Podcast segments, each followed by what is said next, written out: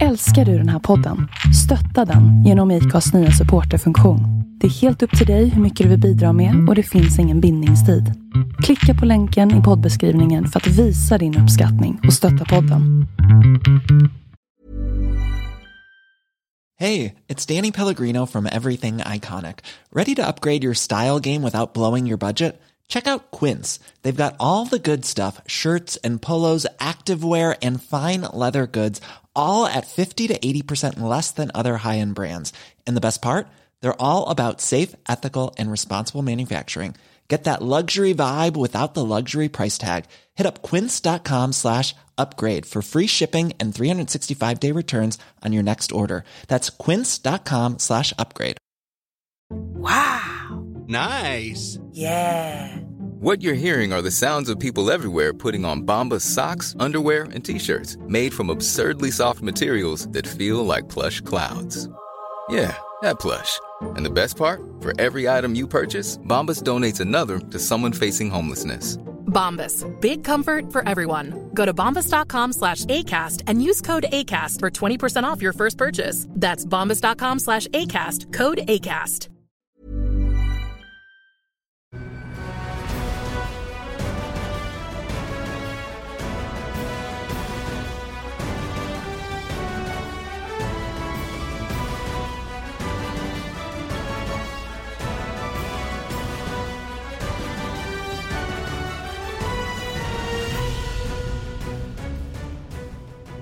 Ja, då är det dags för en eh, MotoGP-podd och eh, nummer 42 i ordningen. Andreas, det här eh, upplägget, eh, vi är på varsitt håll för första gången ordentligt.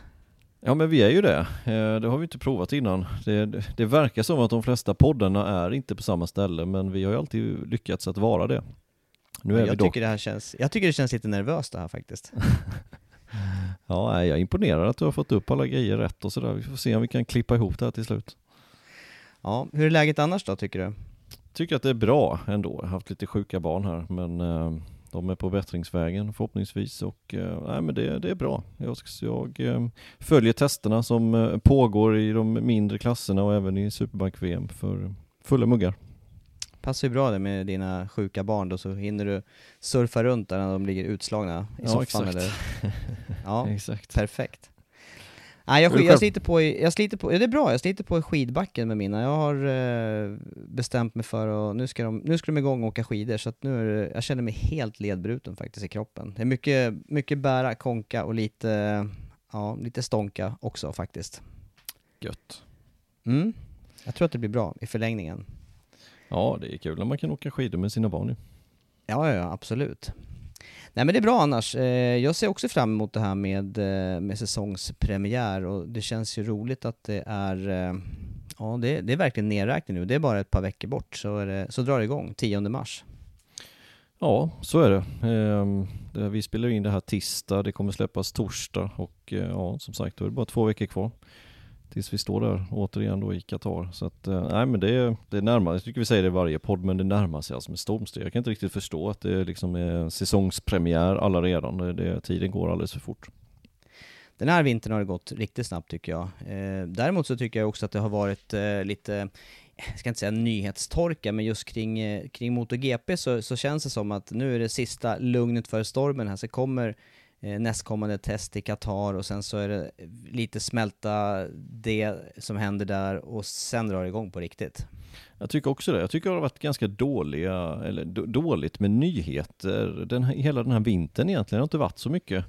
Eh, men precis som du säger, det här kommer ju vara lugnet eh, före stormen. Eh, förra året, eh, ja då var det lugnt i Qatar, sen så brakade det loss efter Argentina. Då var det ju verkligen igång, det var ju skriverier hela tiden efter den här incidenten mellan Marquez och Rossi. Så att vi vet ju hur det kan vara, det kan ta en träning och så är det igång ordentligt. Mm. Ser du något sånt komma fortsättningsvis den här säsongen också eller? Ja, men det, det- som är på alla släppar så är det ju Repsol-Honda såklart. Vad, vad kommer ske där? Hur länge kommer de hålla sams? Hur länge klarar Lorenzo vara tyst? Eh, om man inte är nöjd med någonting och sådana saker. Det, det är väl det som är spänningen. Jag tror att det kommer funka mycket bättre än vad, eh, vad många tror. Det tror jag faktiskt. Men eh, hur bra, det återstår att se. Du tänker det relationsmässigt då mellan, eh, mellan Lorenzo och, och Marcus eller? Ja, men det är ju två superstjärnor ändå liksom. Så att, um, ja, så ser det. Det blir ju det blir häftigt att följa. Det, jag, jag tycker det blir riktigt spännande att se de här två i, med samma förutsättningar och Ja, för Marcus del så, så gäller det nog att han, han kommer få skärpa sig ytterligare ett snäpp. Det är min tanke kring det här. Ja, det, jag håller fullständigt med om det. Han, eh, han kommer behöva skärpa till sig och eh, eh, det tror jag han kommer göra också. Det kommer bli en liten extra motivation. För jag tror det är bra för Marcus faktiskt. Eh, nu har han ändå varit eh, hos Honda i bra många år, så att bra många titlar där och eh, han kanske behöver liksom en, eh, en till utmaning här. många andra förare får en annan utmaning. Det går inte till något annat märke eller något liknande liksom. Och, och det här var nog precis egentligen vad Marcus behövde, tror jag. Men du, skärpa till sig, det är ett ganska vitt begrepp. Vad innefattar det för dig när du, när du tänker skärpa till sig för Marcus del? Nej, det är ju svårt i Marcus att han ska skärpa till sig som som har vunnit VM de tre senaste åren. Så att det, det är ju svårt. Men eh, Eh, att mentalt vara där hela tiden, att träna varje, varje dag ordentligt och, och sådana här saker. Och verkligen inte fuska med någonting. Och, och, eh, det kan man inte göra på den nivån för att det är många som jagar Marcus. Mm. Ja, jag, för min del så, det jag tänkte på spontant, det var ju de här eh, krascherna som faktiskt följer honom fortsättningsvis. Han, han, eh, går omkull ofta, nu har det inte varit så himla mycket racekrascher senaste eh, säsongerna, men eh, det är många krascher totalt sett och vi, vi har ju sett vad som har hänt med, med axeln här och som han har fått operera här under vintern. Ja det är klart, det, det, kan mycket väl vara en del i det att han måste um, skärpa till sig på det och, och inte vurpa lika mycket men jag, jag, ser inte det som ett lika stort problem ändå för att jag vet inte varför riktigt. Vi, vi, vi pratar om det hela tiden att eh, det är så lätt att det går ett nyckelben och sen är ju egentligen den säsongen förstörd om det är väldigt tajt i mästerskapet. Mm. Um, men jag vet inte, han har på något sätt har han ju en förmåga att krascha på rätt sätt och inte slå sig. Men ja, den där turen, om man nu ska säga det, så måste, måste ju också ta slut någon gång. Ja, det måste ju det, jag tänker det. Och nu, eh, framförallt så blir det spännande att se också, man, man ser ju vad, vad små krascher kan göra också då, för Lorenzos del som var tvungen att avstå Sepang här och eh, som kommer att köra testet i eh, Qatar här i nästkommande helg här. Mm, ja, exakt. Eh, det, det, det, är inte bra för Lorenzo det som hände, en liten träningsvurpa med båtbenet. Det är helt fel ben att bryta och dessutom när han har varit skadad innan. Så att, eh, eh det är lätt hänt. Det, så, mm. det kan man konstatera. Ja. Ja, det är lite spekulationer här kring, eh, kring det som väntar, men det som har varit då sen vi såg senast, vi kanske ska eh, ladda igång med, med eh, dagens första eh, tanke här och det, det, har ju rört eh, det här med, med födelsedagar och den som har uppmärksammats ordentligt här alldeles eh, i dagarna, det är ju Rossi då som har fyllt 40 år. Bara det är ju fantastiskt att vara kvar på på den nivå som han eh, fortfarande är med, eh, med den åldern. Ja visst är det det, det är helt fantastiskt egentligen. Tittar man på den som är näst äldst i startfältet, ja det är Crutchler då på 33, så att det är ju sju års skillnad däremellan, så att det är helt otroligt att han kan hålla den nivån. Och, eh, förra året, alltså han blev trea i mästerskapet, det är lätt att glömma det och att, att han slog faktiskt Vinales i mästerskapet. Och även fast det var Vinales som vann ett race där så gjorde han det och gjorde en eh, ingen jättebra säsong, men trots allt slutade han på en tredje plats. Det är, det är starkt. Det är, jag tycker man har eh, många sådana eh, minnen, eller jag har många sådana minnen utav Rossi genom åren här. Det här att aldrig ge upp på något vis och alltid fortsätta utvecklas. Och det är ju en utav faktorerna som, som verkligen har gjort att han är kvar i toppen. Håller du med mig där? Ja, absolut. Jag tror att den här eh, alltså akademin som han drog igång för några år sedan, det har gjort mer för honom tänkte jag säga än för de andra förare nästan. Att kunna behålla den farten som man, som man har haft och, och bibehålla den och utveckla sin eh, körstil och sin förmåga helt enkelt. Eh, för att kunna konkurrera med de här yngre talangerna som har kommit fram nu via hans egna akademi då som sagt. För det har ju varit en, en hel massa ändringar genom åren, eller han har ju vunnit titlar i eh, 125, 250, han har vunnit eh, 500, tvåtakt och sen har det ju varit massa olika reglementen i eh, MotoGP också där han alltid har varit konkurrenskraftig, undantaget då de här åren på Ducati. Ja, visst är det så. Precis som du säger, det var två år där som, eh, som man inte lyckades så bra och, och sen direkt när han satt på Yamaha, när jag kommer ihåg det racet, när kan det ha varit då? 2013 måste det ha varit va? Han körde Ducati 11 och 12 och när han kom tillbaka sen på Yamaha första racet 2013 då var han ju faktiskt med där och, och eh, slogs om det i Qatar redan så att eh, ja, maskinmaterialet han satt på, på Ducati det fanns ju övrigt att önska. Ja. Men du, de här 40, 40 år som han är då, vad, vad sitter kvar på näthinnan för dig då från hans eh, karriär? det går, går det säga en sak, ärligt talat? Nej.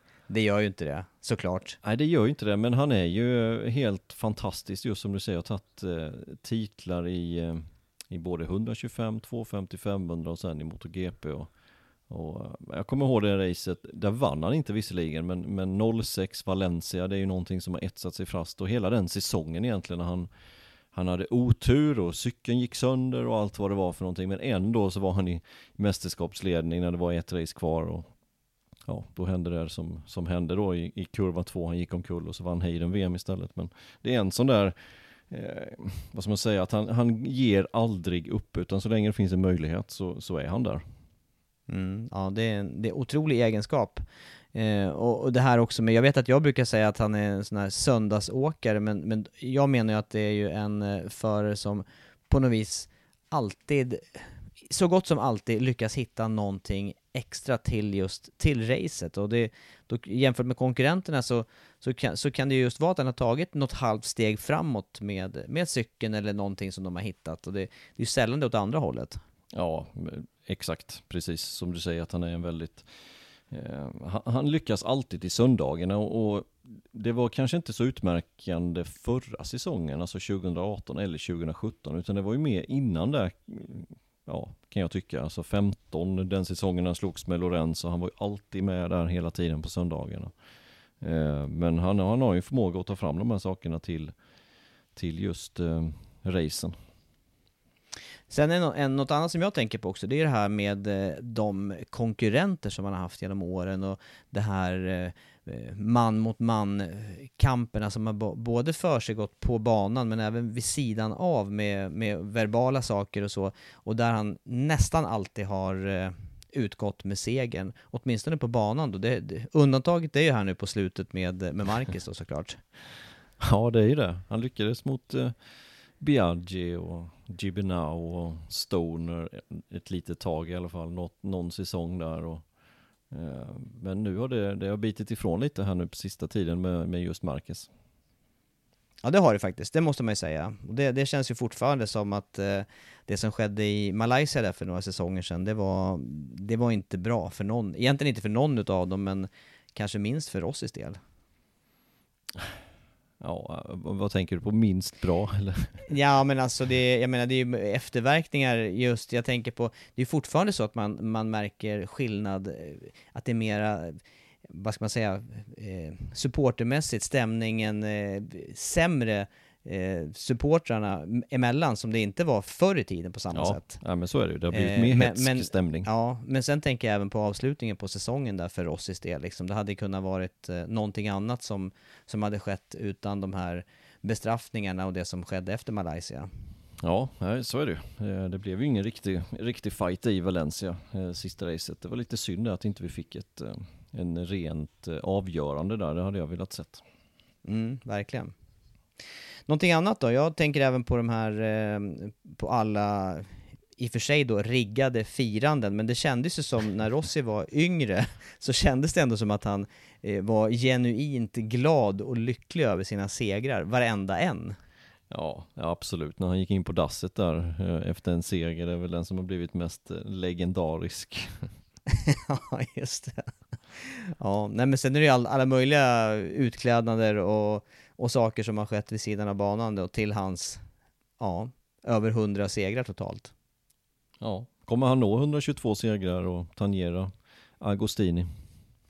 Ja, mycket beror ju på hur, eh, hur Yamaha lyckas med hojen här nu då till, eh, till den här säsongen. Men det är ju trots allt, han har ju två års kontrakt med Yamaha, det ska man ju inte glömma. Det, kan, det känns ibland som att ja, men det här blir sista året för Rossi, det här blir sista året. Men jag minns att jag höjde lite på ögonbrynen förra året när han skrev på två år ytterligare efter den säsong som nyss är avslutad. Då.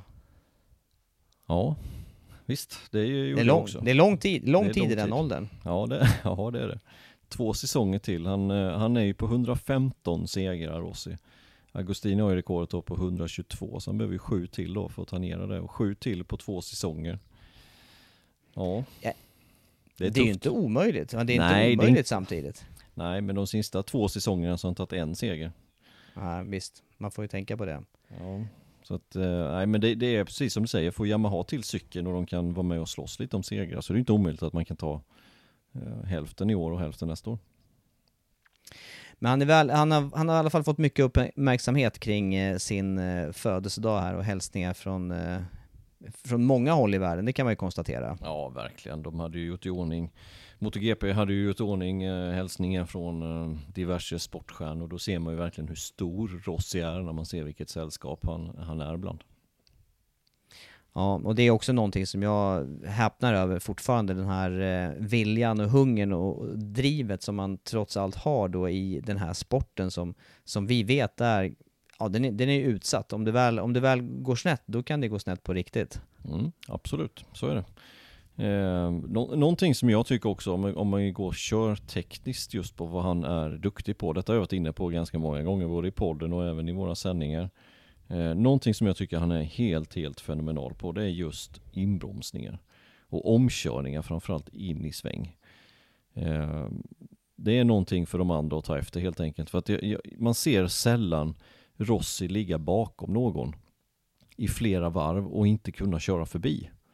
Man ser inte det, utan, utan eh, han kommer ifatt någon förare och sen går han förbi helt enkelt. Det kan ta ett par svängar emellanåt, men sen hittar han en väg förbi och inte blir tjock i svängen, utan kan hålla spåret och den personen bakom sig, eller den föraren bakom sig. Eh, det måste vara någonting unikt med hans körstil, hans förmåga att kunna få stopp på cykeln och ha den känsla för framhjulet som han har där. Det, det tycker jag är någonting som han är helt överjävligt bra på. Mm, ja, jag skulle vilja lägga till en grej till i samma, i samma ämne där och det är också det att det är eh, Ofta så visar han sig i, i tid också så det, det blir inte särskilt fula omkörningar. Majoriteten är ju i alla fall eh, man, man ser inte den som blir omkörd får lov att göra någon eh, manöver för att klara sig kvar på banan heller utan det, det är ganska tydliga omkörningar som man gör. Mm. Mm. Ja, ja, precis. Jag håller med om det. Eh, varför är han så bra på det då? Nej, det har jag faktiskt ingen uppfattning om eh, totalt sett. Men jag vet ju när han var yngre där och körde hur, undrar om det här var en av hans första säsonger i, eh, i 500, men han var ju lite mer eh, eh, testa gränserna som, som, som det syntes då. Jag, det kändes som att han ofta eh, provade i, i kurvor då som, där det gick att köra av upprätt om man säger. Testade väldigt mycket just de här bromspunkterna och ja, jag vet inte om han har fortsatt med det utan att man ser det på samma sätt eller om man har en speciell känsla för, för just inbromsningen. Nej, det är svårt att säga. Ja, eh, någonting är det med hans eh, omkörningar. i alla fall. Precis som du säger, alltid klina omkörningar. Det är sällan man ser det. Och, och just att kunna ta sig förbi. Vi har ju det finns ju andra förare i andra klasser. Han körde ju även, nu tänker jag på en speciell förare här som vi har pratat om några gånger innan som har, inte har den förmågan riktigt. Men du fick in, du, är det Corsi du tänker på? Nej, nej, nej det tänker jag inte. Jag tänker på Tom Lytty. Ja, ja, ja. Som Att- har att- någon att- förmåga att inte bli- kunna köra förbi utan bli fast bakom en annan förare. Nej, det är sant. Det håller jag med om. Men jag, jag tänkte mer på den här äh, visa sig sent, men Ja. det, det gick ju upp ett ljus. Det gick ju kanske upp ett ljus för oss här, var det inte förra säsongen det här med, med speed-up-chassit? Ja exakt, för vi såg ju faktiskt att Cartararo gjorde lite samma saker faktiskt och att han var väldigt snabb in i svängarna och det kan mycket väl vara så att speed up chassit eh, att det är det som gjorde att man kunde gå så aggressivt på bromsen och in i svängen. Ja, och i så fall då så är Corsi ursäktad där med, med tanke på att det, det kanske är cykeln som gjorde det möjligt att göra så på, på, sam, på Skulle kunna vara. Ja absolut, ursäktad vet jag inte för han körde trots att den här cykeln i flera säsonger, han borde ju ha lärt sig då att eh, jag kan inte göra så här hur många gånger som helst, för han gjorde så hela tiden. Ja. Ja, spännande i alla fall att se de här eh, omkörningarna. Jag håller med i alla fall. Det är alltid underhållande att följa Rossi och det är som du säger också trots eh, det, det, verkar inte mattas av trots åldern och det är ju himla, det är himla roligt. Jag, är lite, jag bävar lite grann för det här, vad som kommer hända när, när Rossi väl bestämmer sig för att lägga hjälmen på hyllan. Hur, hur kommer det att påverka hela mästerskapet och serien och populariteten med racingen? Har du någon tanke där? Jag tror faktiskt att eh, hade det skett för 5, 6, 7 år sedan då, då tror jag det hade varit större problem än vad det kommer bli när han väl lägger av nu. Det tror jag. För att jag känner ändå att serien är eh, ganska stark i sig. Eh, men det är klart att det kommer kännas när Rossi lägger av, det är ingen tvekan. Men jag tror att det hade varit värre om han la av typ efter Ducati-eran eller kanske inför när han körde Ducati då 2011-2012. Då tror jag det varit värre faktiskt. Ja, det som gör det starkt nu i mina ögon det är ju hur, hur jämna racen är och vad, vad vi bjuds på helg efter helg här med väldigt små tidsdifferenser och jämna lopp rakt igenom. Ja exakt, det är lite det jag menar, att serien är, är bra i sig själv så att säga. Ehm, så att jag tror att det kommer gå, det kommer bli en dipp, det, det vore konstigt annars, men jag tror faktiskt att det kan återhämta sig hyfsat snabbt ändå. Det, det är ju trots allt, ja, det är ju trots allt stjärnor som eh, Marcus där till exempel som mycket väl kan komma och, och, slå de rekord som, som Rossi hittills har slagit eller satt ja, upp. Ja, visst, absolut. Det är, det är inte alls omöjligt. Han har ju, han är ju bra, han är ju på god väg om man säger så i, i titlar räknat. Mm, absolut. Rossi står på nio titlar och eh, jagar en tionde. Vad säger du om det då? Kan det komma redan den här säsongen? Ja. Nej, jag, jag, tror ju inte det. Det gör jag ju inte. Eh, men eh, att han kommer vara med i toppen och slåss och kunna ta en seger, det tror jag definitivt. Eller flera segrar.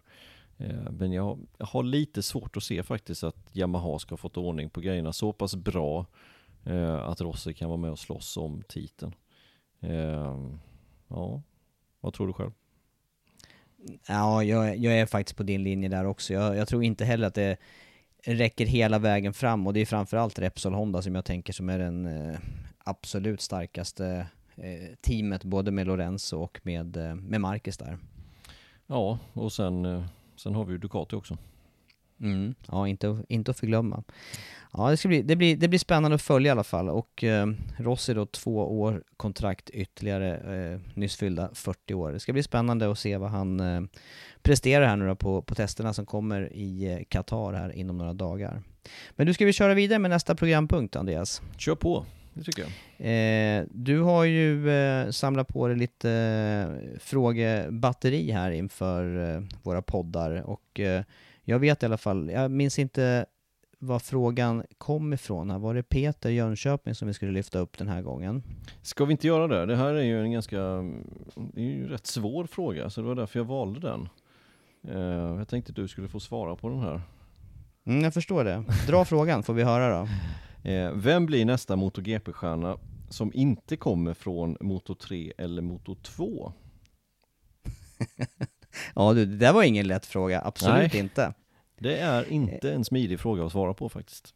Nej, det är det inte. För det har, det har ju blivit så eh, de här senaste, ja, vem har vi egentligen som är senaste starka föraren som inte kommer ifrån eh, GP-sammanhang? Förr var det ju matarserier, Superbike generellt från olika nationella mästerskap och även eh, World Superbike, men eh, Crutchlow är den som jag senast eh, tänker på här. Eh, ja, men det är det ju. Och eh, Danilo Petrucci. Det är ju de ja. två. Eh, nu, det är nästan som man får ranka Petrucci lite högre än Crutchlow för att Petrucci sitter dock på ett fabrikskontrakt. Det gör ju Crutchlow också, men eh, inte i det officiella teamet. Nej, och det är coolt med Petrucci där som har tagit vägen från stockklass, alltså standardklass och så vidare då genom det här eh, CRT-reglementet och ja, han, har, han har verkligen arbetat sig till den här positionen där han nu då ska åka fabriksdukat den här säsongen. Ja, det har han verkligen. Det är ingen, ingen jättelätt väg att ta som han har tagit. Nej, verkligen inte. Men nästa stjärna då i MotoGP utifrån, jag har ju, det här är ju riktigt svårt att svara på. Jag hade ju sagt, eh, hade det här varit för eh, fem, sex år sedan där, eh, då hade jag ju sagt Jonathan Rea som, som nu åker och, och tar titel på titel på titel i, i Superbike-VM för Kawasaki, men eh, ja, hade, han fått, eh, hade han fått chansen då att styra vidare när han gjorde sina inhopp hos Repsol Honda, då hade han mycket väl kunnat bita sig fast i klassen, det, det tror jag. Ja, det, det tror jag också. Men man kan ju inte se riktigt Rea som nästa stjärna i eh, MotoGP för att eh, det är väl tveksamt om han ens kommer till MotoGP igen. Eh, han har ju sagt själv att eh, han, han tar sig inte vägen till MotoGP om man inte får sitta på bra material eller nästan in på fabriksmaterial och det har jag väldigt svårt att se att man skulle ge Rea. Nej, och sen blir det samtidigt svårt då att säga nästan MotoGP-stjärna här då, för att vi vet ju och har sett den här utvecklingen då där man eh, tar yngre förare just ifrån nationella Moto 3-mästerskap eller juniorserier typ Red Bull Rookies Cup eller eh, Asia Talent Cup där med, med Honda-cyklar. Men eh, utifrån sett då, för, för, jag, har, jag har ju bara en, eh, det, det, spontant så, så ploppar det upp nu det som skedde här på Phillip Island nu, sista testet inför Superbike-premiären som, som är helgen faktiskt. Eh, och Bautista snabbast, omgående då med, eh, med fabriksdukater där och han har precis gjort det här skiftet ifrån MotoGP till World Superbike och då ser vi ju man kanske inte kan utläsa läsa massor av en test men man ser ändå en eh, klassskillnad klasskillnad då på en förare som, som ändå inte har varit konstant i toppen i MotoGP. Nej, man kan ju dra många slutsatser från det. Man kan dra det att eh, han är jättebra, man kan dra det att, eh, att cykeln han satt på i MotoGP var inte tillräckligt bra för att göra bra resultat. Det såg vi på mm. Philip Island också när han fick eh, fabriksmöjligheter att köra för, för Fabriks Ducati. Då, då blev han ju fyra där i det racet i MotoGP. Så det går ju att se det på många olika sätt, men jag ser det också lite som du gör det faktiskt, att han går in här och toppar de här två testdagarna. Eh, vi ska komma ihåg att den här nya V4, den är ju ny i det här sammanhanget. Det är den här V4R som de kör här, det har de inte kört förra året, körde de ju V-Twin. Eh, så det är en helt ny cykel i den här serien. Det, det, kan man ju tolka på att den här cykeln är så överjäkligt bra också. det finns ju många slutsatser att dra.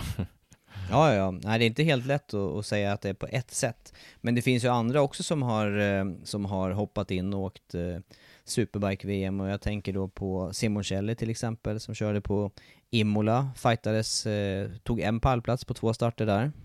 Ja, nej, men eh, det är precis som du säger. Jag håller med dig fullt att eh, det, är en, det är en helt annan konkurrens i MotoGP och förarna där håller extremt hög nivå, absolut. Eh, sen får vi se om det räcker för Bautista eller inte, det märker vi. Ja, nej men så jag har faktiskt svårt att säga, jag har faktiskt svårt att säga något namn utifrån något annat, något annat än eh, GP-serierna då, eller spanska öppna junior, eh, junior Vad tror du om eh, van der Mark då? Kan han få ja. chansen i MotoGP? Ja, det börjar rinna iväg tid där också tänker jag och han, eh, jag tror här i vinter har han ju fått pisk utav eh, Lowe's gång på annan här. Jag vet inte om han, eh, han tappar stinger lite grann då, eller? Fartmässigt? Ja, det känns som att de är väldigt, väldigt jämna. När jag följer, följer Super tycker jag att eh, Alex Lowe's och eh, van der Mark väldigt, väldigt jämna fartmässigt. Varför rankar man då, varför nämner man eh, van der Mark mer än, än Lowe's i det här läget då? ja, det är också en bra fråga. Lowe's gjorde ju inte bort sig, han fick ju faktiskt inhopp i, i MotoGP här. Ja, det fick han. Han gjorde inte bort sig alls, men det gjorde ju inte van der Mark heller när han fick den chansen. Nej. Han körde ju också något sant. race där för Tech Try. Mm, nej, sant. Så att, nej, men nej, jag, jag, jag, jag, tror inte heller att de kommer att um, ta sig vägen till MotoGP och bli stjärnor där. Det har jag också. Jag har svårt att se det också. Så du har inte heller spontant något nå namn sådär som, som du säger, en nästa namn utifrån in i MotoGP? Nej, det har jag inte. Eh, jag tror det är en väldigt svår väg att ta eh, för tillfället faktiskt. Att komma via någon annan serie än just Moto 2 om man ska in i MotoGP och, och eh, ja, bli mer eller mindre stjärna och då räknar jag stjärna för mig det är någonstans där Crutchlow befinner sig. Ja, åtminstone kontrakt med, kon, kontrakt med något fabrikat eller helst då fabrik, fabrikskontrakt då? Ja, exakt. Men du, det här att det är... Eh, vad är orsaken till det här? Varför hittar man inga för utifrån då? På samma sätt som, som förr? Ja, Det är också en jättebra fråga. Eh, men, men serier läggs ju ner hela tiden tycker jag. Eh, spanska Superbike, de körde ju tillsammans med, alltså i riktiga spanska mästerskapen. Nu har de flyttat till en annan serie. Och jag tycker den tendensen är det överallt, IDM och att, att de nationella så, så kallade då stockklasser, alltså Supersport 600 eller Superstock 600 tillsammans med, med Superbike och Superstock 1000. Det har liksom på något sätt försvunnit mer och mer. Det finns inte så många nationella bra mästerskap kvar att välja på. Nu drar de ner den här EM-serien som också gick tillsammans med, eller FIM-cupen var det ju, som gick Mm. tillsammans med Superbike-VM. Nu har de lagt ner den också. Så att det finns inte så många ställen att välja liksom. Det finns inte så många vägar in om man inte tar ja, motor 2-vägen in. Nej. Nej, och, det verkar ju inte heller alla, det är inte alla länder som har eh, livskraftiga sådana mästerskap med Moto 2 och eh, Moto 3-reglemente heller. Nej, och eh, extremt dyrt är det ju. Ska man åka spanska motor 2, det kostar ju väldigt, väldigt mycket pengar. Betydligt mer än vad det kostar att åka eh, Superbike till exempel, eller Superstock 1000 då som det heter för. Ja, Stock 1000 för mig var ju en sån här, eh, det var ju verkligen en, en budgetserie och, och också möjlighet att, att visa upp sig på, på rätt arena. Ja, den- är jag lite förvånad över faktiskt att den eh, läggs ner och det är också en, eh, ett mästerskap som har nära anknytning till det som sen säljs på gatorna. Ja, faktiskt. Men tittar man på också resultatlistan där eh, så har ju det liksom, intresset har ju svalnat även från deltagarna. Det, det är ju få deltagare var det ju de sista åren och då valde de ju att fimpa den klassen istället. Tillsammans med lite tidsbrist i tidsschemat nu då i och med att de har gjort om tidsschemat till super Men jag är också lite förvånad faktiskt att de inte kraftsamlade lite mer för att behålla den klassen.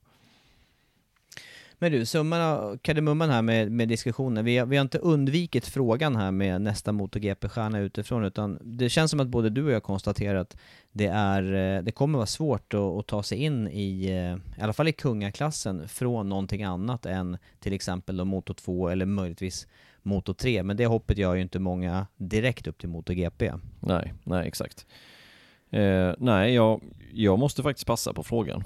Ehm, jag vet inte, helt enkelt. Jag, jag kan inte säga ett namn som jag tror på kommer ta sig hela vägen till MotoGP för att ehm, det är för låg sannolikhet, alla de som, som är aktuella. Sen så vad som händer om tio år, det är ju en helt annan sak, men just för tillfället och inom en tre, fyra års period så kan jag inte se någon annan ta och bli MotoGP-stjärna om man inte kommer från Moto 2. Nej, Nej jag, jag är av samma uppfattning där faktiskt. Och, och de eh, eh, som har kört eh, GP tidigare där, visst har väl Leon Haslam kört för länge sedan och han är ju tillbaka i, i fabriks eh, Kawasaki i World Superbike nu och jag menar det är ju inte en, det är inte en påläggskalv till, till MotoGP längre. Som det var nej, nej, förr. Nej, nej. Han, jag tänkte säga, han är väl äldre än vad jag är. Ja, så är det ju säkert. Det känns som att det. han, eh, ja men vi körde han 500 till och med för länge sedan. Ja, det kanske han gjorde. Eh, Jo, jag har för mig att det var så. Tillsammans med Anton West då kanske. Väldigt ung Det är också gjorde han, väldigt länge sedan. Ja. Men still going strong. Men du, vi kan väl hänga kvar lite grann då. Du, du nämnde det här med eh, nytt tidsschema. Det är ju faktiskt Superbike-premiär och, och en tidig sådan. Det har ju varit så av tradition ett antal år med en tidig säsongstart på Phillip Island och det är faktiskt eh, kommande helg här. Ja, det är redan dags för, eh, för premiär alltså. Ehm, kul tycker jag. Jag har följt testen här nu som sagt de här två dagarna som har varit på tisdag snabbast. Det blir kul att se vad, vad han kan göra. Ehm, se vilken form som eh, Rea är i. Vi vet ju att han, ja vad har han vunnit nu, fyra år i rad i Superbike-VM. Sen han tog eh, steget över till Kawasaki från Honda som vunnit alla gångerna helt enkelt.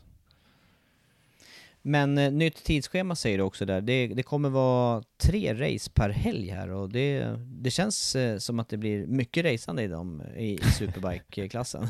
Ja, ja mycket race blir det. De gjorde ju någon förändring, innan hade man ju alltid, det klassiska är ju att ha två race på söndagen, det var ju så det alltid var innan. Sen så la man ju ett race på lördagen istället och ett race på söndagen. Och nu har man lagt till ett race då på söndag morgon som ska vara som ett eh, sprintrace på 10 varv. Eh, och får vi se då om, eh, om ehm, det kan bidra någonting till, eh, till underhållningen och just det racet kommer ju vara halva poäng dessutom. Ja, ja blir, tror du att det blir någon extra... Eh, vad, vad- säger förarna generellt om den här utvecklingen då? Eh, det är några positiva, några negativa, några är lite negativa mot förändringen tror jag, för de tror kanske att det inte kommer fungera och att man behöver sen byta tillbaka så att det blir lite hattande helt enkelt, att man inte har ett visst tidsschema att förhålla sig till. Att eh, publiken kommer svika på grund av att det blir det här hattandet fram och tillbaka. Men det återstår ju att se helt enkelt. Alltså, jag tycker det är ganska kul om, säg att det blivit en rödflagg och så är det fyra, fem, sex varv kvar av ett race då. Det är ganska kul att se de racen. För att då är det ju verkligen sprint, alla är ju fullt från början. Mm, ja, det kan, bli, det kan bli en sån utveckling menar du på det här. Va, vad har man sagt i race-distans då på det här korta racet? Ja, men jag har inte hört någon race-distans faktiskt, utan det jag har hört är 10 varv. Ja, det kan ju slå rätt mycket då på, beroende på vart man är i så fall. Ja, eller så har de räknat med att ja, det är strunt samma där det slår. Ja, Eh, kanske. Men det är det jag har hört. Och så halva poäng på det, på det racet. Och då är det topp 9 som tar poäng där. Så det var nio stycken förare, nio främsta. 12 för seger tar man ju då. Eh, och den topp 9, de som tar poäng, det blir alltså kvalställningen och första tre leden i race nummer två sen. I alltså race nummer två utav de långa Ja, racen då? ex exakt. I det sista racet då, race nummer tre som det egentligen Mm. blir. Ja. Ja. Att de kallar Ja. detta för uh, Tissot Superpole Race. Och så har de då race 1 och race 2. Ja, intressant. Ja. Men du, annars är det ingen förändring där vad gäller kvalande som vi annars kommer att se i eh, Moto 3 och Moto 2 till säsongen? Nej, de har ju bara ett pass nu för tiden också, Super-AQM. Ehm, en, en, ett kval helt enkelt. Inget delat kval som det varit innan, utan ett kval. Jag återkommer ju till det här, jag gillade ju det här Superpole-varianten när man, man såg en förare i taget. Det, det var, jag tyckte det var eh, Eh, fascinerande att följa de här förarna ett varv bara och man kunde fokusera på en förare. Ja, jag håller med. Jag håller med faktiskt. Eh, det tar lite för lång tid bara. Det är lite för, är det inte lite för lite action om man, om man, eh, om man tar det från topp 12 eller topp 8? De första förarna, det blir lite för lite action, blir det inte det? Jo det, kan, jo, det kan bli väldigt utdraget. Mitt paradexempel där, det var ju på, jag var ju på Suzuka ett år och, och hjälpte till, åtta timmar. Tyvärr inte körde, men där hade man ju Superpole på de första, ja låt säga tio, nej det kanske var, det kanske var fler, jag kan, jag kan inte minnas. Det kändes som att de körde Superpole en hel eftermiddag där. Alla förarna i topp top 15 då drar jag till med. Ja. Nej, det blir ju Så inte så mycket att titta på det heller ju. Nej det blir ju inte det till slut, visst. Men, men tv-mässigt så är det schysst. Om man, nu, om man nu följer en i taget och vill se vad som händer, då är det ju då är det super att bara ha en i taget att följa. Ja, Ja, vi lämnar den här poddfrågan tycker jag och eh, kastar oss in vidare här nu. Vi var inne på kvalformat, det ska vi återkomma till. Men först och främst, eh, vi har snackat eh, startlistor i, eh, eller framförallt i MotoGP tidigare, men vi har ju faktiskt eh, Moto 3 och Moto 2 också. Och Det, det drar ihop sig till säsongspremiär även där. Eh, Så jag tycker att vi ska hänga kvar lite grann och kolla vad vi har för eh, förare och team som är klara för eh, säsongen 2019 och börja då med eh, Moto 3-klassen som är den minsta klassen här i GP-sammanhang. ja det tycker jag. Eh, Det är bra att gå igenom de här två klasserna också medan vi har tid nu. Tycker du inte det? Jo, det känns så. Mm. Ska, jag, ska jag dra teamen och förarna eller så kan vi ta lite snack efter det. Ja, men det tycker jag Vi passar tar, dem bra. vi tar dem team för team. Leopard Racing, eh, de kör vidare med Lorenzo Dalla Porta. Ny i teamet blir då Marcos Ramirez. Och det här är ett av toppteamen i klassen, det kan vi konstatera. Absolut. Eh, Juan Mir vann ju titeln där. Eh, förra året var det ju Enea Bastianini tillsammans med Lorenzo Dalla Porta och där trodde jag i alla fall att Bastianini skulle kunna vara med och utmana om titeln. Eh, det kunde han inte, gjorde för många misstag, många krascher. Eh, och eh, i slutet av året var det ju faktiskt Dalla Porta som var den hetare utav dem. Mm. Ja, och kvar i teamet som du säger. Kvar i teamet ja. Sen Ja. Sky Racing då, med eh, två förare. Ja, Dennis Foggia och eh, Celestino Vietti som gjorde succé på eh, sitt andra race var det väl va? I, i Phillip Island. Han hoppade in istället för Bulega och tog en pallplats. ja, bara det är fantastiskt. Ja, faktiskt. faktiskt. Ja. Foggia fortsätter. Han, eh, Foggia var ju mästare i, eh, i det spanska mästerskapet för två år sedan. ja. Och sen kommer vi till Prustel GP. Eh, där Kornfeil kör vidare tillsammans med sin landsman då, Filip Salak. Eh, så det är två tjeckiska förare i det här eh, tyska teamet och ehm, jag är lite förvånad ändå att Salak får chansen där om jag ska vara helt ärlig. Jag tycker inte han har gjort superbra resultat i det spanska mästerskapet. Tittar man på hans resultat så blev han alltså 11 i mästerskapet. Och, ja, och sen, och sen Cornfield då, som är uh, riktig veteran i sammanhanget. Han är väl äldst i klassen, är det inte så? Ja, jag tror han har flest starter också. Både ja. äldst och, och, flest starter. Ja, ja vi får väl se. Mm. Eh, Petron, Petronas Sick vidare. Mm, John McPhee, ny i teamet tillsammans med Ayumu Sasaki. Ja, och där är alltså Adam Norodin då som har fått lämna det teamet och eh, kommer köra spanska mästerskapet istället. Ja, i Moto 2 dessutom. Mm, just det. Eh, så det ska bli intressant att se här vad nu McPhee, om han kan eh, hitta tillbaka till den här Hondan och eh, prestera bra resultat. Han har ju kört Honda, sen kör han KTM förra året och sen nu då tillbaka till Honda igen. Eh, det känns väl som att det är lite nu eller aldrig för hans del, är det inte så? Jo, nu, jo absolut, jag håller med dig där. McPhee ja. måste prestera. Ja, faktiskt. Hey, I'm Ryan Reynolds. Recently, I asked Mint Mobiles legal team if big wireless companies are allowed to raise prices due to inflation. They said yes. And then when I asked if raising prices technically violates those onerous two-year contracts, they said, what the f*** are you talking about, you insane Hollywood ass?" So to recap, we're cutting the price of Mint Unlimited from $30 a month to just $15 a month. Give it a try at mintmobile.com slash switch. $45 up front for three months plus taxes and fees. Promo for new customers for limited time. Unlimited more than 40 gigabytes per month. Slows. Full terms at mintmobile.com. Hiring for your small business? If you're not looking for professionals on LinkedIn, you're looking in the wrong place. That's like looking for your car keys in a fish tank. LinkedIn helps you hire professionals you can't find anywhere else, even those who aren't actively searching for a new job but might be open to the perfect role. In a given month, over 70% of LinkedIn users don't even visit other leading job sites. So start looking in the right place. With LinkedIn, you can hire professionals like a professional. Post your free job on linkedin.com slash people today. Wow! Nice! Yeah! What you're hearing are the sounds of people everywhere putting on Bombas socks, underwear, and t-shirts made from absurdly soft materials that feel like plush clouds. Yeah, that plush. And the best part? For every item you purchase, Bombas donates another to someone facing homelessness. Bombas. Big comfort for everyone. Go to bombas.com slash ACAST and use code ACAST for 20% off your first purchase. That's bombas.com slash ACAST. Code ACAST. Och sen har vi då Angel Nieto Team, eller Nieto Team, då är det Arena som fortsätter där tillsammans med Raúl Fernandez. Och mm. eh, Fernandes är ett intressant namn för han vann ju det spanska mästerskapet förra året.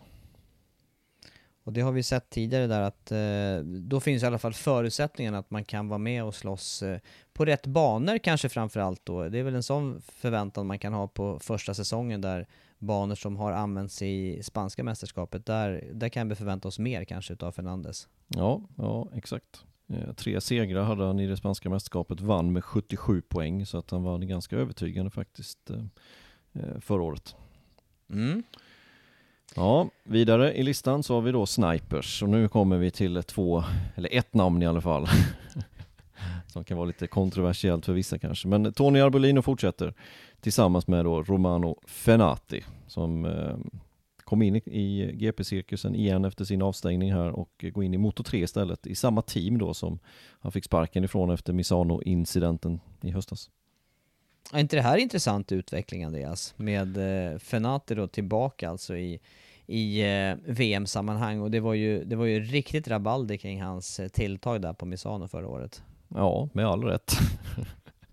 Men det var, ja det blev mycket snack om det när han då tog i bromsen på Mansis cykel och eh, jag tror han har lärt sig lite av det där och han har ju själv gått ut i någon intervju här och sagt att han eller intervju var det väl inte riktigt, men det var något litet uttalande att han hade faktiskt blivit mordhotad efter den här incidenten. Och, ja, det gick lite, som vi har varit inne på lite tidigare, det gick lite till överdrift kritik mot honom tycker jag faktiskt.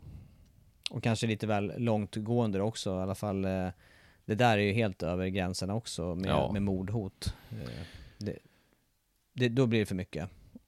ja, för länge sedan skulle jag väl så säga. Ja. Men jag, jag tyckte det redan i, i Misano på plats där att det kändes som att det var många som tog chansen att trycka till och när någon tryckte till honom, alltså i någon tidning eller något uttalande så var det alltid någon annan som kunde hänga på liksom, så att han blev väldigt utsatt efter det här. Han ska ha skit för den incidenten, inget snack om saker, men det gick till överdrift tycker jag och det tycker jag fortfarande. Kan vara en toppförare i alla fall eh, direkt här när han är tillbaka i Moto 3, det kan vi konstatera. Ja, alltså titta, senast han körde Moto 3, alltså 2017, då var det han den enda som kunde utmana Juan Mir om titeln och Juan Mir var ju helt överlägsen. Eh, så att jag räknar starkt med att Fenati kan vara med och slåss om det här i slutet. För att tittar man igenom startlistan i övrigt så tycker jag inte att den ser jag tycker den ser lite svagare ut än förra året. Ja, jag håller med dig där. Det gör den absolut. Ja. Vi kollar vidare då vad vi har för, vi har ju faktiskt ett eh, nytt team sen då, Max Racing Team.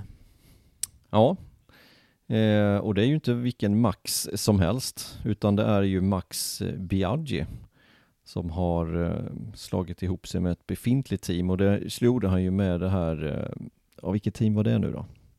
Nu har jag det på näthinnan tänkte jag säga. Ja, då körde ju, vad heter det, Mahindra innan. Eh, det står stilla för mig med faktiskt. Ja, tysken, Eh. han gick ju vidare till eh, Motor 2 nu. Som tog sin, eh, sin eh, första seger, hans far vann ju också, han tog sin första seger i Motor 3-klassen här. Öttel. Öttel ja, precis, bra. Filip Öttels team var det, som de slog ihop sig. Ja, det var det. Stämmer. Stämmer. Då var det inte alls Mahindra heller, utan då var det ju faktiskt eh, KTM tidigare. Ja. Yes. Ja, men före det där för Max Racing Team då, Aron Canet. Ja, han eh, fick ju gå ifrån Mark VDS här efter den här säsongen och eh, eller efter förra säsongen och så fick han nog chansen här istället. Vi får se där. Han gjorde ju ingen succé förra året men han blev ju trea i mästerskapet för två år sedan så att han har ju kapaciteten om han verkligen får till det. Mm. Ja, vi har haft lite kritik kring, eh, kring hans körning på banan också. Framförallt då så har han haft rätt kort stubin också. Eh, vi nämnde Fenati tidigare, men Canet har också haft för kort. Ja, det har han. Det har han. Han behöver också eh, kamma till sig lite grann och köra lite mer vårdat än vad han gjorde förra året. För förra året så var han inblandad i väldigt många incidenter faktiskt. Ja, och sen har vi Gresini-teamet som kör då med eh, Gabriel Rodrigo som är ny i teamet och så Ricardo Rossi. Eh, så det är två nya förare i det teamet och Rodrigo ska bli intressant att se om han kan lyfta sig lite grann. Han, det känns som att han är på väg uppåt, även fast det går ganska långsamt så är han på väg uppåt. Ja, det är absolut så. Jag, eh, ja, kan han jämna till sina toppresultat så, och, och hålla sig där han har varit som bäst, då, då kan han vara vass i slutändan på säsongen. Ja, ja jag tror det.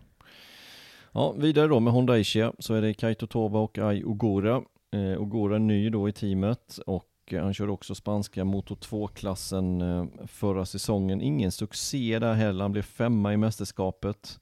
Eh, men avslutade i Valencia på ett väldigt bra sätt med en andra plats och en seger där. Så att, ja, se om han kan skrälla lite kanske. Mm. Worldwide Race. Andrea Minho, Sean Masia. Ja, det som är intressant att se vad Masia kan göra där. Jag, jag tror ändå lite på honom. Han kom in där som en, frick, en frisk fläkt för något år sedan. Körde en, ett race på Red Bull Ring var det väl, han var med i täten där för sitt första race. Det gick det lite tyngre ändå, hans första hela säsong förra året. Och, eh, mm, intressant. Minio, ja, han behöver ju också bli lite mer stabil. Han hade ju ingen bra, ingen bra säsong förra säsongen. Nej.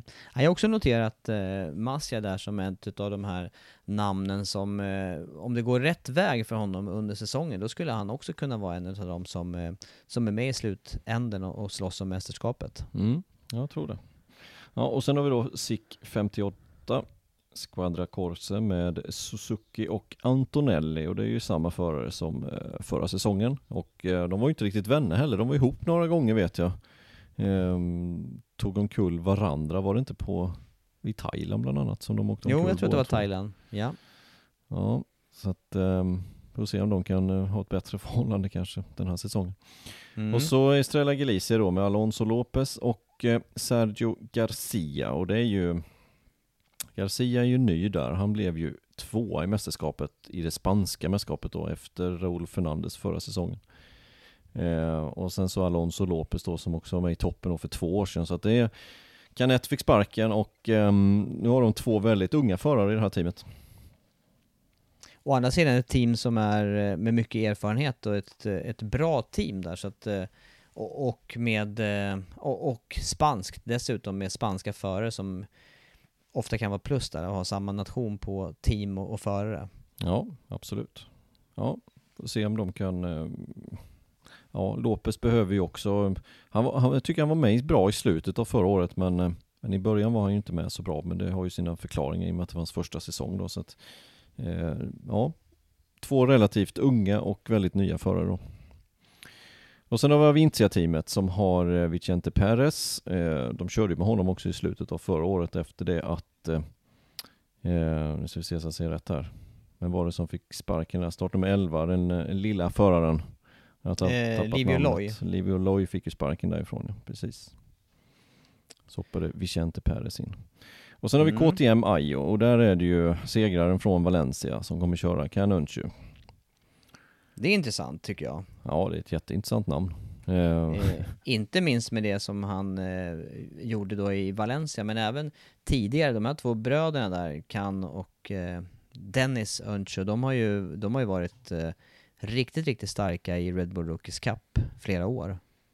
Ja, och Can vann ju, vann ju förra året. Körde även lite spanska mästerskap. Ingen supersuccé där då. Slutade på en, se här, sjätte plats i hit 1 och tredje plats i hit 2 i Valencia i finalen där. Ehm, slutade totalt sett då på en sjunde plats i mästerskapet. Men det var ju inte det mästerskapet han satsade heller på ska man komma ihåg, utan det var ju mer Red Bull Rookies Cup som han satsade på. Men är det för optimistiskt att tro att han kan vara med i, i toppen i slutet av, ett, eh, av det här mästerskapet? Ja, det tror jag faktiskt. Jag tror att det är lite för optimistiskt, tror jag. jag, jag Utifrån, det, nej, men det är eh, lätt att tro det tror jag i och med att han, han, han, han tog en seger i sitt första GP. Det har ju inte hänt eh, ever tänkte jag säga, men det, det var ju väldigt länge sedan det hände. um, Men jag tror inte att det kommer gå lika bra när det sen, alltså det var blöta förhållanden, det var speciella förhållanden, det var mycket krascher. Ehm, så att jag tror inte, ja jag tror inte det. Nej, vi får se då. En förare i alla fall då hos KTM Ajo den här säsongen. Det återstår två team då. SIP-teamet är nästa. Ja, Tom Booth Amos och Darren Binder. Och eh, ja, Binder då. Eh, veteran i klassen kan vi säga det. Ja, det kan vi göra. Men också en veteran där, eh, där det stormar lite grann kring eh, körmässigt. Vi har varit lite kritiska till hans körningar i, i sändning vet jag. Ja, det har vi varit. Det har vi varit. Eh, vi får se om han har eh, borstat till sig lite grann här till den här säsongen istället. Och så sista teamet då, RBA-teamet med Jurchenko och Masaki. Jurchenko som kommer in i serien igen och Masaki då som fortsätter. Eh, och i det teamet eh, Förra året så var det också Gabriel Rodrigo. Ja, vad säger du om det då? Är det någon, eh, finns det någon förhoppning kring eh, någon av de förarna att, att vara med i toppen i slutet av ah, året? Nej, jag, jag har svårt att se att de två ska kunna vara med. Alltså hyfsat tror jag, men inte, inte toppen toppen, det tror jag inte. Någon tydlig eh, förare som du tycker, eh, eller som du tror kommer att utmärka sig positivt här under året då? Du menar någon som är på väg uppåt eller någon som kan ja, slåss om titeln? Eller, ja, slåss om titeln. Ja, jag tror ju på um, Dalla Porta tror jag kommer vara en utav dem. Mm. Eh, Fenati tror jag kommer vara en utav dem. Ja. Eh, ja, vilka ska vi ta mer? McPhee om han får det att stämma.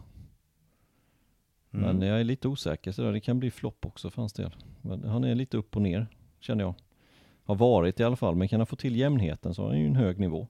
Jag, jag noterade också Dalla Porta där som en av eh, titelutmanarna, absolut. Eh, och sen är det, jag var inne på din linje också där, att det ser faktiskt lite tunnare ut än eh, förra året med absoluta toppnamn här. Det finns ju för som har utmärkt sig, men som jag inte vet om de, om de håller hela vägen fram till en titel, till exempel eh, Antonelli som man trodde mycket på för några år sedan där och Canet som har svajat betänkligt med, med saker som han inte borde ha tagit sig för under året och ja, jag vet inte. Dalla Porta tycker jag känns som en, eh, en, eh, ett hett tips här för året.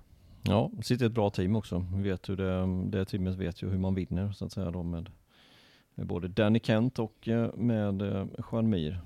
Så att mm. ja, nej, jag tycker också det. De två känner jag skulle jag satsa pengar på, på någon så hade det varit någon av de två.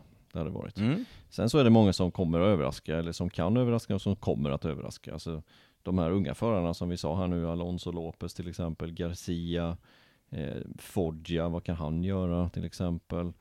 Eh, Albert Arenas fick ju lite genombrott förra året. Raúl Fernandez som varit spanska mästerskapet. Det finns ju några som verkligen kan överraska så att säga och, och vara med mm. i toppen också. Eh, ja, spännande ändå. Ja.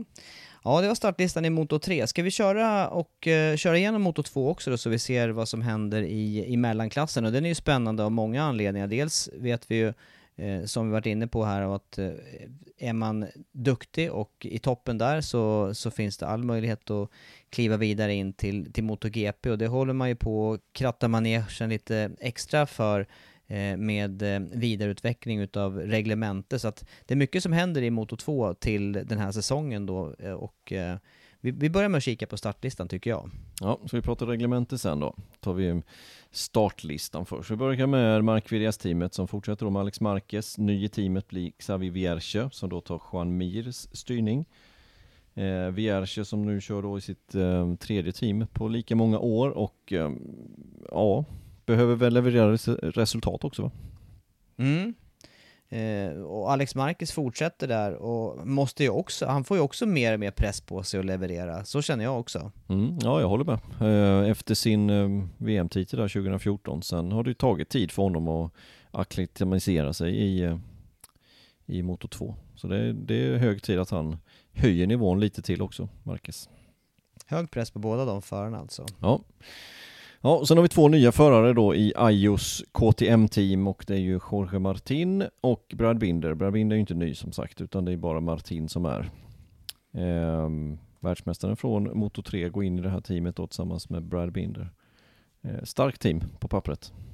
Mm, det är det. Eh, lite tufft under eh, eh, första testerna där, visst var det skada där på Martin igen? Mm. Han hade ju en tuff säsong då trots att han eh, trots att han blev världsmästare så, så hade han ett par skador under året och ja, fortsatte med det redan på försäsongstest i Moto 2 här. Ja, eh, har han inte den förmågan att slå sig lite för mycket Martin? Jo, det känns så. Han är ju extremt snabb och extremt bra kvalare men eh, det är en förare som har kraschat och gjort illa sig ett flertal gånger får vi säga. Ja, det är det. Ja, vidare med nästa KTM-team och det är de här två, nya, två förarna som är helt nya då i, i det här teamet och det är Marco Besecchi och Filip Öttel eh, som går in i Tektra-teamet helt enkelt och eh, ja, Besecchi slutade han tvåa till slut eller blev han till och med nedpetad till tredje? Ja, nu blev, det, nu blev jag satt lite på pottan ja. men han var ju definitivt titelutmanare och såg ut att kunna ta titeln också ett tag innan det, innan det gick snett för honom också. Han hade ju också också ska jag inte säga, men han hade ju grym otur under förra året där och drogs med i krascher och hade, han var inte, det, det var inte helt på egen eh, förskyllan som han eh, tappade poäng i race. Nej, men var inte det lite mer i slutet av året som sådana saker hände för Besecki? Jo, det var det. Vi hade ju Philip Island till exempel. Thailand var det väl någonting också, var det inte det? Jo det var det, jo det var det, det har du helt rätt i. Men är det inte så att man kommer ihåg de två incidenterna starkare än vad man gör med Martins incidenter? För han har ju också blivit omkullkörd, eh, haft otur under säsongen fast tidigare under året. Det kanske är så att det sitter kvar ja, på näthinnan det. det som hände sist. Ja, jag, jag resonerade samma sätt och sen så tittar man igenom liksom, vad var det som hände egentligen? Ja men Jerez, ja då var det ju Canet som drog omkull Jorge Martin. Och sen kom vi till Le Mans, ja då var det Bisecki som gick omkull precis framför honom så att han kraschade in i den hojen. Ehm, och sen så var han inte ens med i Brno på grund av att han kraschade på första träningen. Så att ja, tuff säsong för båda. Ja det var det. Det var låga poäng. Det var väldigt låga poäng totalt sett i, i Moto 3 förra året. Men eh, det, det, ska bli intressant att se vad de kan göra här i Moto 2. Det är väl läge, ska man byta klass då är det ju ett sånt här år där, eh, där reglementet ändras som kan göra det lättare att komma in i klassen. Mm. absolut. Ja, och så nästa team då, Intakt GP-teamet med Lytti då som kommer tillbaka från MotoGP och Schrötter som eh, fortsätter. Eh, det är alltså Vierge som har flyttat på sig där, alltså Lytti in där istället och eh, ja, ska han lyckas ta titeln i Moto 2 kanske det är denna säsongen. Mm. Och man har fått eh, med sig någonting ifrån, ifrån MotoGP i året. Det var ju tungt i alla fall för Lyttis del i MotoGP, det måste vi säga. Ja, jo men det är klart det var. Han tog inte en enda poäng så att eh, det var väldigt tungt men det är klart att han har lärt sig massor på det och det känns inte som att han är en sån förare som sätter det på sig på psyket tror du att han inte har tagit poäng där och så kommer han tillbaka och är liksom nedslagen av det. Nej, förhoppningsvis så har han ju, som du säger, har han med sig nya lärdomar och tar med det in i Moto 2. Kanske till och med lite snabbare då. I så fall blir han, i så fall blir han farlig för titeln. Ja, det är det jag tänker.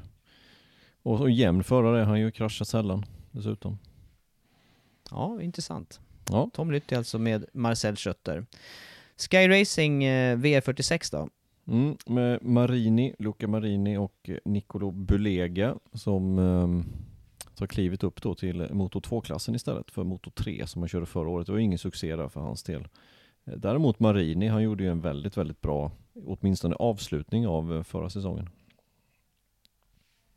Kan vi tänka oss honom som eh, någonting eh, att ha att göra med, med titeln i slutändan? Ja, det är precis vad vi kan.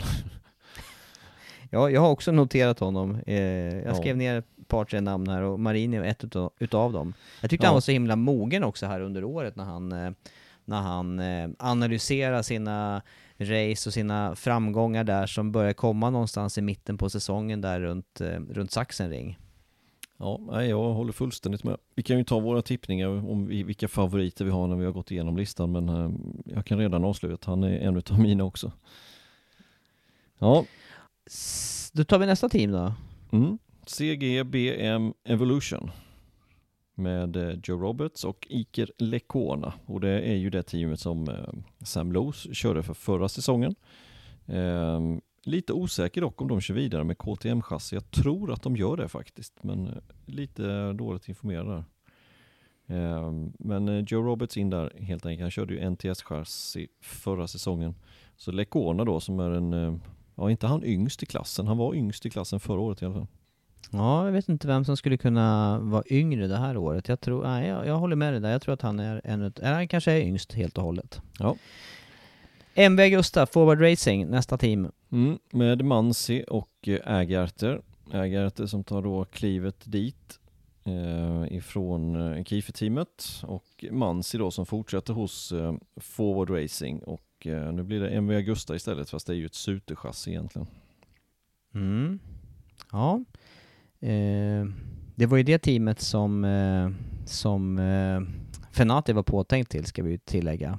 Ja, tillsammans med Stefano Mansi, de som hade den här incidenten på Misano. Ja. Det blev Ja. inget. Nej, det blev inget. Nej. Speed Up har vi sen då. Ja, Navarro och eh, Dijan Antonio, så två nya förare i det här teamet. Och ehm, ja, Dijan har alltså klivit upp till Motor 2-klassen, Navarro byter team. Ehm, ja, får se om det passar, passar speed up ehm, chassit, om det passar de två förarna. Mm. Italtrans-teamet, nästa. Mm. Eh, Locatelli fortsätter och ny i teamet blir då Bastianini som tar Passinis plats. Passini som inte har någon plats i Moto 2, lite förvånande för mig i alla fall. Eh, nu har han inte åldern på sin sida kanske, men eh, han är ändå en toppförare. Mm. Det har han verkligen visat sig vara och eh, jag också, det, det är ett av de namn som är, jag är också mest överraskad att han inte har styrning då, Mattia Passini. Ja, faktiskt. Eh, Angelieto team vidare. Ja, Jake Dixon och Cardelus. Och eh, ja, så vi ser om de kan eh, göra någon, eh, om de kan få någon framgång helt enkelt. Eh, lite eh, i skymundan kan man väl säga att de två förarna har stått. Ja det har de ju, båda två och eh, ja, jag vet inte heller. Det, det gäller att det går rätt väg tror jag och få lite medvind i början här så kanske det kan eh, kanske kan ge mer smak. Annars så ser jag de här som någonstans mitt i, mitt i fältet. Ja, någonstans där. Och sen har vi då Corsi som kommer köra för Tasca Racing, precis som man gjorde under förra året. Corsi som vi har varit inne lite på. Och eh, även där, det känns ju som att eh, ska det lossna någon gång så är det väl eh, nu då. Eh, det är hög tid åtminstone. Ja det är det. En av de äldre förarna med flest starter och längst erfarenhet. Ja, Mm. krävs lite resultat för att han ska hänga kvar tror jag. Ja, det tror jag också. Och sen har vi Gresini och då är det ju Sam Lowes som går till det teamet och så är han tillbaka hos Gresini igen. Gresini som alltså driver Aprilia-satsningen där han då fick sparken i för något år sedan. Nu går han tillbaka då till, till Moto 2-teamet där han även har kört förr då och eh, ja, han eh, kan ju vara en titelkandidat om man håller sig på hjulen. Mm.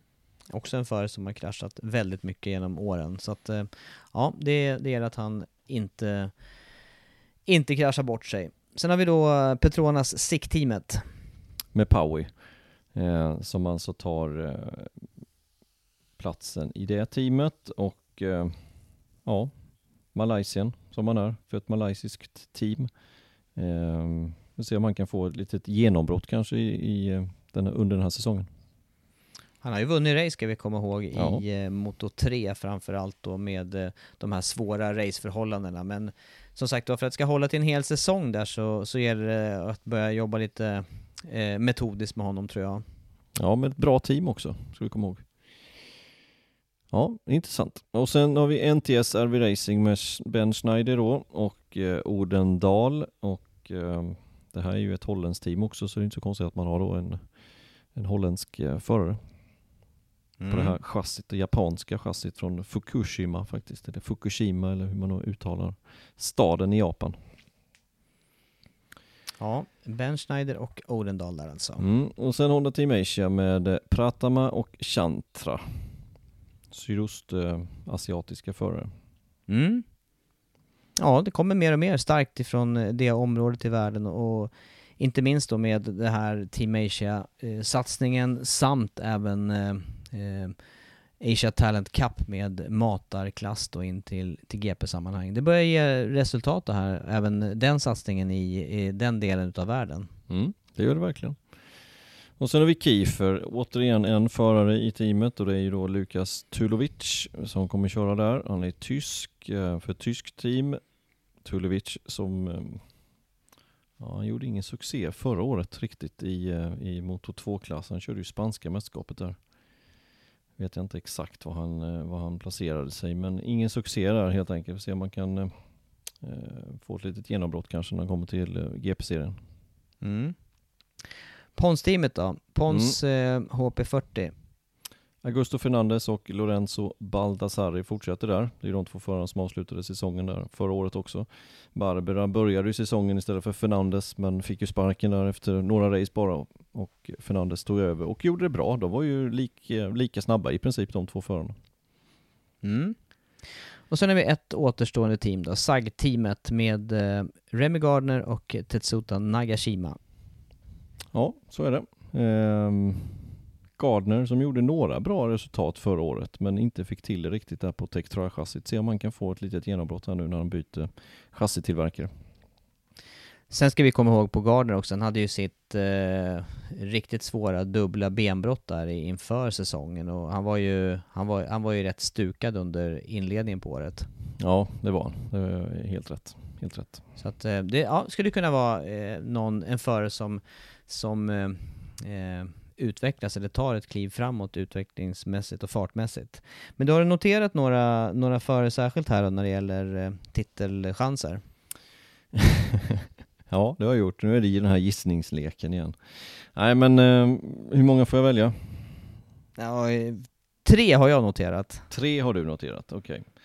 Eh, de, de två som jag ser eh, starkast så ser jag Brad Binder och jag ser eh, Luca Marini. Ja, det är de jag skrivit också som, jag, jag skrev Marini, Binder i den ordningen. Ja, de, de två ser jag som starkast. Sen finns det ett gäng till. Lytti, Marquez, Vierche eh, och Baldassarri. Det är väl de fyra i steget efter det som jag ser. Mm. Ja, det låter inte... Jag, jag köper det rakt av där. Och Vem hade du din också- tredje då? Jag hade Marcus där, men Ja. jag vet inte om jag tror på, på honom fullt ut ändå. Han har, han har haft så många chanser och inte riktigt blommat ut, så att eh, jag vet ändå inte ifall det här är liksom, för han har nått sin peak. Kanske. Ja. Nej, mer, nej, vem vet. Marini och Binder är det. Ja, Marin och Binder. Får vi säga två då så säger vi Marin och Binder. Då håller vi faktiskt med varandra om det. Mm. Ja. Annorlunda. Men du, vad, vad gör det här nya reglementet då? Vi kanske ska dra vad, vad som eh, gäller då. Vi, vi kan väl börja med motortillverkare som, som byter nu då efter eh, att man har kört Honda 600 kubik sedan 2010 när den här klassen introducerades. Ja, visst är det så. Eh, Triumph 765 kubik eh, kommer bli lite mer eh, lite mer elektronik helt enkelt med launch control. Det kommer bli lite mer inställningsmöjligheter på motorbroms. Det kommer bli en så kallad blipper, alltså en sån som, som växlar upp och ner utan att man behöver koppla. Som en quickshifter fast även när man går in i svängen helt enkelt. Kommer dock inte bli traction control. Eh, vilket eh, förvånade först men ja, jag vet inte, behövs det? Jag vet inte. Det, det, det kostar mycket pengar, det är mycket utveckling för att få en sån att fungera. Mm. Men eh, ökad cylindervolym alltså, mer kraft i cyklarna och eh, även en, eh, att man går ner då till en trecylindrig motor. Vi har ju hört den här eh, köra demovarv i Valencia och ja, fantastiskt ljud måste jag säga. Jag, jag uppskattar verkligen det här, den här förändringen. Bara ljudbilden blir, blir eh, intressant att följa. Ja, för Moto, Moto 2 innan med Honda-motorerna, de var vi ju... eh, Så vi säger att vi var rätt trötta på dem. Ja, på något vis. Eh, Det, det här, nej det blir, det- det, var läge nu tycker jag att Mm. byta och det blir spännande att följa också. Men frågan är, kommer det här att göra förarna mer beredda då för MotoGP, de som väl sen tar klivet? Tror du att det blir någon skillnad jämfört med det som man har haft? Ja, jag tror att det blir eh, lite skillnad. Det borde bli lite skillnad. Eh, Men jag tror inte att... Jag, jag tror inte det spelar superstor roll om jag säger så då. De, de kommer komma lite mer väl förberedda, men, eh, men om det verkligen ger skillnad att de kommer göra ännu bättre resultat i deras debutsäsong i MotoGP, det är väl mm, tveksamt. Mm. Viktigt blir i alla fall eh, hållbarheten eh, motormässigt här. Det har ju varit noll och inga motorhaverier får vi säga från, eh, från Hondas sida. Så att förhoppningen är att det här fortsätter med Triumph-motorerna. Ja, det, det exakt. För det är ju någonting vi inte vill se, speciellt inte när det är enhetsmotorer, man får inte öppna motorerna utan då får de inte gå sönder heller utan eh, någon förare kanske får en motor då som går sönder två gånger till exempel. Det, det är ju helt oacceptabelt, det, det får inte inträffa utan det måste ju vara, det måste vara lika effekt och de får inte gå sönder. Mm. Eh, Men i, i samband med då eh, reglementsändring när det gäller eh, motorerna här i Moto 2 så kommer man ju också ändra på kvalförfarandet. Men det kommer man att göra både i Moto 3 och i Moto 2-klassen. Och det här är också någonting som vi har efterlyst länge i våra sändningar. Det var väl på tiden ändå att de gjorde någonting åt det, var det inte det? Jo, det känns ju som att det här systemet som har varit här med riktigt långa kval, med massa tjafs och, och massa rävspel i eh, Moto 3-klassen framförallt. Eh, det där, nej, det, det var läge att, att förändra det. Ja, jag håller med. Så nu är det alltså så att eh, mellan FP1 och FP3, alltså de tre träningen, de som är topp 14, de går direkt till eh, Q2 och eh, i Q1 får ju resten då fightas om fyra, de första fyra främsta platserna då till Q2. Så blir det alltså 18 förare i eh, totalt då i Q2 som gör upp om, om som startpositioner 1 till 18. Och då är det alltså, um, det blir ju sex eh, startledare som man gör upp eh, om de platserna då. Det blir en skillnad från MotoGP då, där man gör upp om de eh, fyra första startleden i Q2. Mm. Ja, det stämmer. Eh, Så några fler startled och eh, även då, det är ju samma som i MotoGP, att man, att man har de här träningarna eller kvalen på 15 minuter styck. Så att det kommer hända lite mer, det, det uppskattar vi.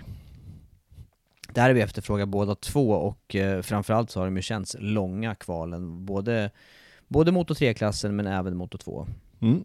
Ja, jättebra förändring. Hoppas att det kommer fungera väl också. Jag tror faktiskt det. Om vi tittar på hur det har utvecklats i MotoGP så, så tror jag att det kommer bli jättebra. Mm.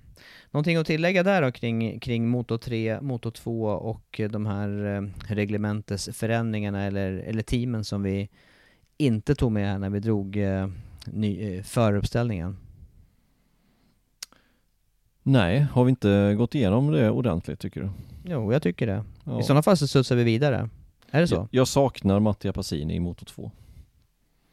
Mm, det, det gör jag med. Och på resultat så, så är han ju definitivt en förare som hade varit värd en plats. Det håller jag med dig om, absolut. Ja.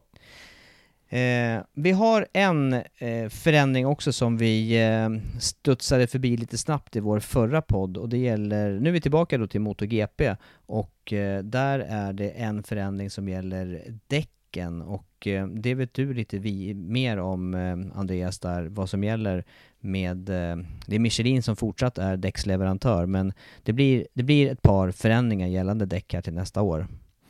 Eller rättare sagt till det här året, till 2019 ja, nu då. exakt. Det är bara två veckor kvar, tänk på det. Mm, det är inte nästa år längre. Nej. Nej men det kommer komma två nya bakdäck, ett nytt fram. Framdäcket kommer komma från och med Qatar redan, det vill säga premiären. Eh, bakdäcken räknar Michelin med att introducera från och med Jerez, alltså race nummer fyra. Eh, och det, det, låter ju bra, som Taramasso säger där så låter det ju bra. Eh, de här däcken att de är både snabbare, de är eh, större hållbarhet, eller mer hållbarhet, de, de funkar under ett vidare fönster av temperatur, bantemperatur och sådana här saker. Så det låter ju väldigt positivt. Många av MotoGP-förarna har också efterfrågat lite mer hållbarhet för att det har ju varit Går man aggressivt på däcken på racen så har det ju varit lite däckspararstrategi inledningsvis. Bruno till exempel. Tempot var ju extremt låg där när Dovizioso fick eh, bestämma inledningsvis. Eh, och det vill ju, ja vissa förare tycker väl om det, vissa tycker inte om det. Och Michelin har försökt göra något däck då som ska hålla lite mer helt enkelt. Men stämmer allt det här, då är det ju, då är det ju bara plus med den här förändringen. Om det då funkar i ett bredare temperaturspann och ger bättre grepp och feedback och, nej feedback vet jag inte, det la jag till själv här nu men ökad hållbarhet dessutom så det, det låter ju som plus plus plus. Blir det, inget, blir det inget negativt med, med, med däcksbyten generellt? Nej, det, i detta fall blir det bara plus. Skönt. Skönt för alla förare och, vi få någon, och team här. Inget gnäll på däcken i år helt enkelt. Nej. Nej. Annars är ju det, det är en vital del på, på eh, som, som påverkar väldigt mycket för, för alla. Så att eh, det, det, kommer i alla fall bli intressant att se om det här gäller för alla förare och för alla fabrikat. De här, den här återkopplingen då som, som det här däcket sägs ge. Ja, vi får se helt enkelt. Men eh, som sagt, framdäcket ifrån eh, Qatar kommer det vara med och bakdäcken från troligtvis då Jerez. Mm. Ja, och då är vi inne på uh, slutklämmen här nu på den här podden och det är ju det som väntar i helgen här med, med test i Qatar. Vad, vad ser du fram emot uh, gällande det här avslutande försäsongstestet? Lorenzo på Honda. Kort och koncist. Igen har jag noterat samma sak här. är det sant? Ja. Faktiskt. Ja, nej men eh, det är sista testet innan racet. Man kan ändå, nu, nu kan man börja tolka lite vad det är som händer egentligen, vilka som är starka. Eh, kanske inte under ett enskilt varv, det tittar man ju sällan på egentligen när man ser om någon är stark eller inte, utan under race-simulationerna, hur många bra varvtider de kan sätta i rad, när däcken börjar gå av, hur fort de kan åka då. Eh, och sen just att Lorenzo nu då, första testet två året för hans del på, på Hondan. Jag har faktiskt ett par namn till där då, men, och det är också, det, det är kopplat till skador och allting här då. Marcus, det, det, är Honda och det är skador. Det är Marcus som har fått lite till, tid att eh, komma tillbaka efter sin eh, axeloperation och det är också Crutch då som har fått lite tid ytterligare för att re rehabilitera sitt eh, ben och sin fot då efter, eh, efter Philip Island-skadan. Ja, stämmer kan bli också intressant att se om de eh, kan vara med och eh, förbättra sin, eh, framförallt då längre stint här under testerna i Qatar. Men jag, jag håller med dig annars fullt ut här och se vad, vad förare och team kan bekräfta ifrån Sepang-testet och, och sen är det som sagt var bara dryga två veckor då till säsongspremiären och det, ja, det, det är en nedräkning som är på gång ordentligt. Det är bara en podd kvar innan vi är liksom upptakts eh ja, upptaktsförfarandet inför race. Ja, visst är det. Det, det mm. känns som att, eh, och då blir det plötsligt, då kan det plötsligt bli väldigt mycket att prata om. Det, det, ska, bli, eh, det ska bli roligt när det börjar röra på sig igen. Ja, absolut. Absolut. Vi ska väl avrunda också och säga det här med att vi har eh, en bandag, MotoGP-podden har en bandag bokad i Anderstorp 7 juni. Passa på att testa eh, och köra på riktigt stor bana. Och dessutom är det en lämplig helg där det, där det är eh, eh, röd dag innan och sen då klämdag på fredagen och sen får man hämta sig, återhämta sig under en, en vanliga helgen efteråt. Mm, exakt. Kom och kör mot Tobias på Anderstorp. Eller mot Andreas. Du har ju faktiskt haft banrekord där. Det är ju ännu, det är ännu, det är ännu mer fjäder i hatten om man skulle köra från dig, eller hur? Ja, i Superbike, dock inte eh, totala banrekordet. För det har Wayne. Rainey. Det är snabbt. Ja, men, men, det är nästan en... eh, Det nu, tar, nu snackar du ner dig själv här ju. Det är ju Ja. jättebra. Det, är, ju- det där banrekordet, det har ju stått sig jättelänge det du hade. Ja, det stod sig från 2011 till förra året faktiskt. Ja, stämmer. Ja. Nej men så är det i alla fall. Eh, och sen då så ser vi fram emot säsongspremiär 10 tredje. Men dessförinnan alltså tester i Qatar 23 till 25 februari och det är alldeles, alldeles eh, inom eh, några dagar då eftersom att eh, den här podden då släpps eh, torsdag och testerna drar igång sen då på, visst blir det lördag? Mm. Lördag, lördag till måndag. Mm. Så är det. Vad bra, då avrundar vi den här eh, MotoGP-podden nu då tycker jag. Mm. Jag håller med dig. Eh, och så ses vi nästa vecka. Mm, tack så länge. Tack.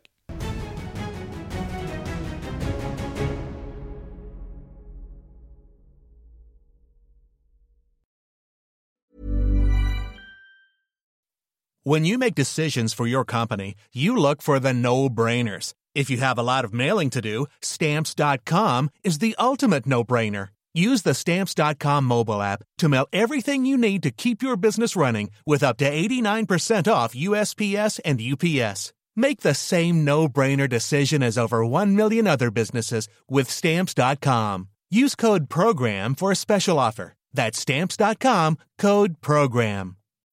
When you need mealtime inspiration, it's worth shopping Kroger, where you'll find over 30,000 mouthwatering choices that excite your inner foodie. And no matter what tasty choice you make, you'll enjoy our everyday low prices, plus extra ways to save, like digital coupons worth over $600 each week. You can also save up to $1 off per gallon at the pump with fuel points. More savings and more inspiring flavors make shopping Kroger worth it every time. Kroger, fresh for everyone. Fuel restrictions apply.